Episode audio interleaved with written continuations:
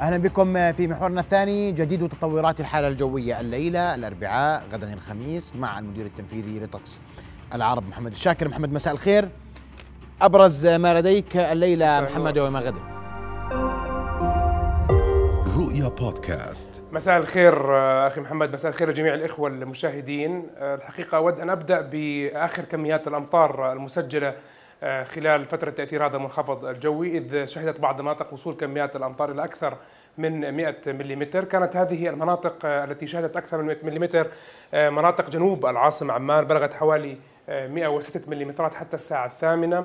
مناطق مختلفة من غرب العاصمة عمان ما بين 70 و 80 ملم في محافظة إربد حوالي 75 ملم عجلون تقريبا حوالي 76 ملم أيضا محافظة مأدبة حوالي 53 السلط تراوحت ما بين 40 إلى 60 ملم في جرش بلغت 80 ملم شرقي العاصمة عمان حوالي 45 الزرقاء حوالي 25 ملم المفرق 28 ملم الكرك 4 ملم وبعض مرتفعات الشراء تساقط عليها زخات من الثلوج وبلغت تقريبا كميات الأمطار عدة مليمترات. فهذه كميات الأمطار التي هطلت حتى الساعة الثامنة من مساء هذا اليوم لهذا المنخفض الجوي كميات بحمد الله وفيرة للغاية. تجاوزت ال 100 ملم طبعا هناك استمرارية للمزيد من الهطولات إن شاء الله خلال ال 24 ساعة القادمة وهناك المزيد من المحطات التي ما زلنا نقوم بتجميع البيانات منها لكميات الأمطار التي كانت آه، خلال الفترة الماضية ترصد كميات الأمطار خلال الموسم المطري الحالي. طيب ما هو قادم محمد؟ وأنا ما بديش أدخل كثير في أرقام يعني أرقام الأمطار ستظهر تباعا وهذه رصد طقس العرب. صحيح محمد؟ للتوثيق فقط. صحيح نعم هي محطات تابعه لنا.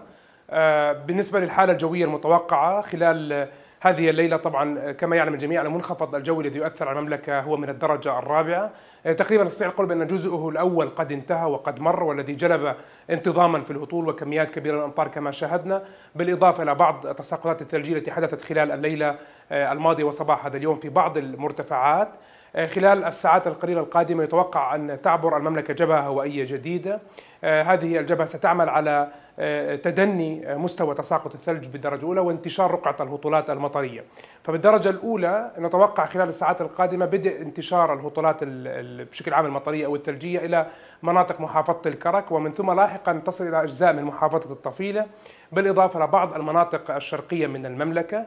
الأمر الآخر خلال ساعات هذه الليلة يتوقع أن يتساقط أو تتساقط الثلوج بشكل متقطع أي ما بين الحين والآخر فوق المرتفعات الجبلية آه، العالية التي يزيد ارتفاعها عن ألف متر عن سطح البحر. ومع ساعات ما بعد منتصف الليل وصباح يوم غد آه، تمتد بعض الزخات الثلجية المتقطعة إلى ما دون ذلك آه، الارتفاع إلى المناطق أقل ارتفاعا وتشمل بعض الأحياء في العاصمة أيضا عمان وبعض المدن. لكن إجمالا سنتحدث الآن عن التراكمات إجمالا التراكمات آه، هي تراكمات محدودة دون الألف متر وتعتمد بشكل كبير على تواصل الهطول الثلجي وأيضا حسب الارتفاع عن سطح البحر. الخريطة التي سأشير إليها تشير إلى المناطق المتوقع أن يكون في عليها تساقطات الثلجية. آه، مثلا المناطق الشمالية من المملكة في مرتفعات جرش وعجلون. نتوقع عودة تساقط الثلوج على آه، مرتفعات عالي جبال جرش وعجلون مناطق ثغرة عصفور وعبين وعبلين ومثلث القاعدة ورأس منيف. مع تراكمات جيدة في تلك المناطق في آه، أعالي محافظة البلقاء. أيضا نتوقع تجدد تساقط زخات من الثلج المتقطع على مناطق مرتفعة من البلقاء وفي ساعات الصباح قد تمتد إلى مناطق أقل ارتفاعا. في العاصمة عمان نتوقع أن تشهد عموم العاصمة عمان تساقط أمطار مخلوطة بالثلوج ولكن نتوقع وجود تراكمات آه، بين الحين والآخر خاصة في المناطق التي يزداد ارتفاعها عن ألف متر عن سطح البحر. ونتوقع أيضا آه، امتداد التساقط الثلجي خلال وقت لاحق من هذه الليلة إلى بعض مناطق محافظة الكرك. لا سيما لواء المزار الجنوبي ومؤتة وأيضا آه، لاحقا قد تصل أيضا الثروج إلى بعض مناطق محافظة الطفيلة. فكملخص محمد آه، يعني يمكن المقارنة ما بين الجزئين المنخفض الذي مر وما سيأتي. لو وضعنا بعض المقارنات المنخفض آه، الجوي في جزئه الثاني يعني القادم خلال هذه الليلة والجبهة الهوائية. من ناحية الهطولات هي غير منتظمة متقطعة بينما كانت الليلة الماضية وصباح هذا اليوم وظهر اليوم اجمالا منتظمة.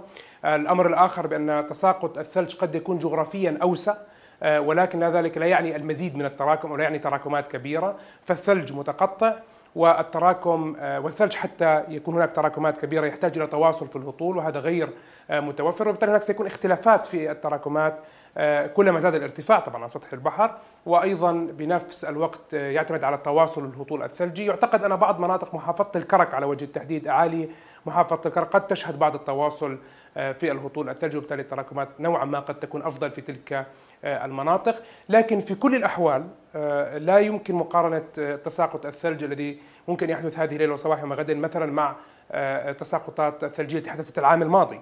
على سبيل المثال بس محمد أستوقفك عند هذه النقطة اسمح تساقط الثلج العام الماضي. اسمح لي. دائما ما تحت مقارنة دائما بتكون في الذاكرة لأقرب منخفض جوي.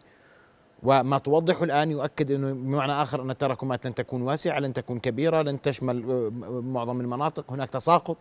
يشمل مناطق أوسع نعم لكن لا تراكمات بالشكل الذي نتخيله أي أن المنخفض لا يشابه مطلقا المنخفض المنخفض العام الماضي اللي آه، تم تعطيل فيه بعض الدوائر الرسمية والحكومية وما إلى ذلك. آه، حتى نفهم الصورة بشكل نعم واضح يعني ما في إعاقة للحياه العامة بشكل صحيح. كبير وواضح وصريح. لا منخفض العام الماضي كان منخفض شامل ثلجيا شمل معظم المناطق تراكمات الثلجية تراوحت ما بين 10 إلى 30 أو أكثر سنتيمتر. كان في المناطق الشمالية والوسطى بشكل كبير جدا. كان معيق للحياة العامة معيق للحركة.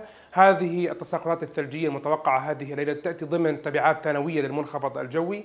تأتي على شكل زخات ما بين الحين والآخر آه، تكون أوضح في التراكمات كلما زاد الارتفاع عن سطح البحر آه، متقطعة إجمالا لكنها موجودة. فربما تكون موجودة في بعض المناطق ولكن إجمالا التراكمات لا نتحدث عن تراكمات مثل العام الماضي ولا عن عاصفة ثلجية مثلا.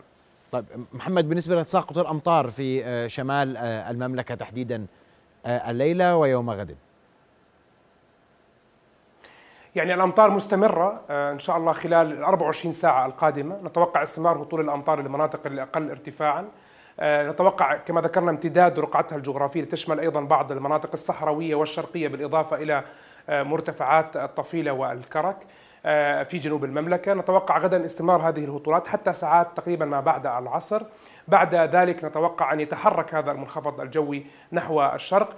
أيضا من ضمن فقط المناطق التي ربما تحظى ببعض التساقطات الثلجية خلال فترة تأثير الجبهة الثانية هي مرتفعات المداخلة من جبل العرب أيضا تلك الواقعة شمال محافظة المفرق. لكن عند الحديث عن هذا المنخفض الجوي نستطيع القول بأنه اعتبارا من ساعات ما بعد عصر يوم غد يتحرك هذا المنخفض الجوي نحو مناطق مبتعدة عن المملكة ولكن تندفع إلى المنطقة كتلة هوائية تعتبر قطبية وقارصة البرودة تؤدي إلى انخفاض حاد في درجات الحرارة اعتبارا من ساعات مساء يوم غد تقترب من الصفر المئوي في العديد من المناطق. هناك مراقبة حثيثة لدينا هنا في مركز العمليات في طقس العرب لإحتمالية تشكل الانجماد غدا مساء وليلا في بعض المرتفعات الجبلية العالية. آه، ولكن هذا الأمر يتطلب آه، الانتظار حتى آه، ساعات نهار يوم غد. ولكن درجات الحراره ليلة الأربعاء الخميس ستهبط إلى حول الصفر المئوي في العديد من المناطق وفي مناطق أقل. تظهر السحب والغيوم. الفرصة تبقى مهيئة لزخات خفيفة من المطر والثلج ليلة الأربعاء على الخميس لكن الأجواء ما يميزها أنها أجواء باردة للغاية. وهذه الأجواء التي ستتميز أيضا في عطلة نهاية الأسبوع إذ ستبقى هذه الكتلة الهوائية القطبية قريبة من المملكة وبالتالي لا يستقر الطقس بشكل كلي إنما يبقى بارد وتبقى الفرصة مهيئة لبعض الهطولات العشوائية والمحلية في مناطق مختلفة خاصة في المنطقة الشرقية من المملكة. نعم بدي أشكرك كل الشكر محمد الشاكر كنت معنا مباشرة من طقس العرب تحدثت عن ما سيكون في الساعات المقبلة في المنخفض الجوي الذي يؤثر على المملكة في موجته الثانية إن صح التعبير. ليلة غد ونهاية هذا الأسبوع ستكون قارصة البرودة. أشكرك كل الشكر محمد الشاكر. رؤيا بودكاست.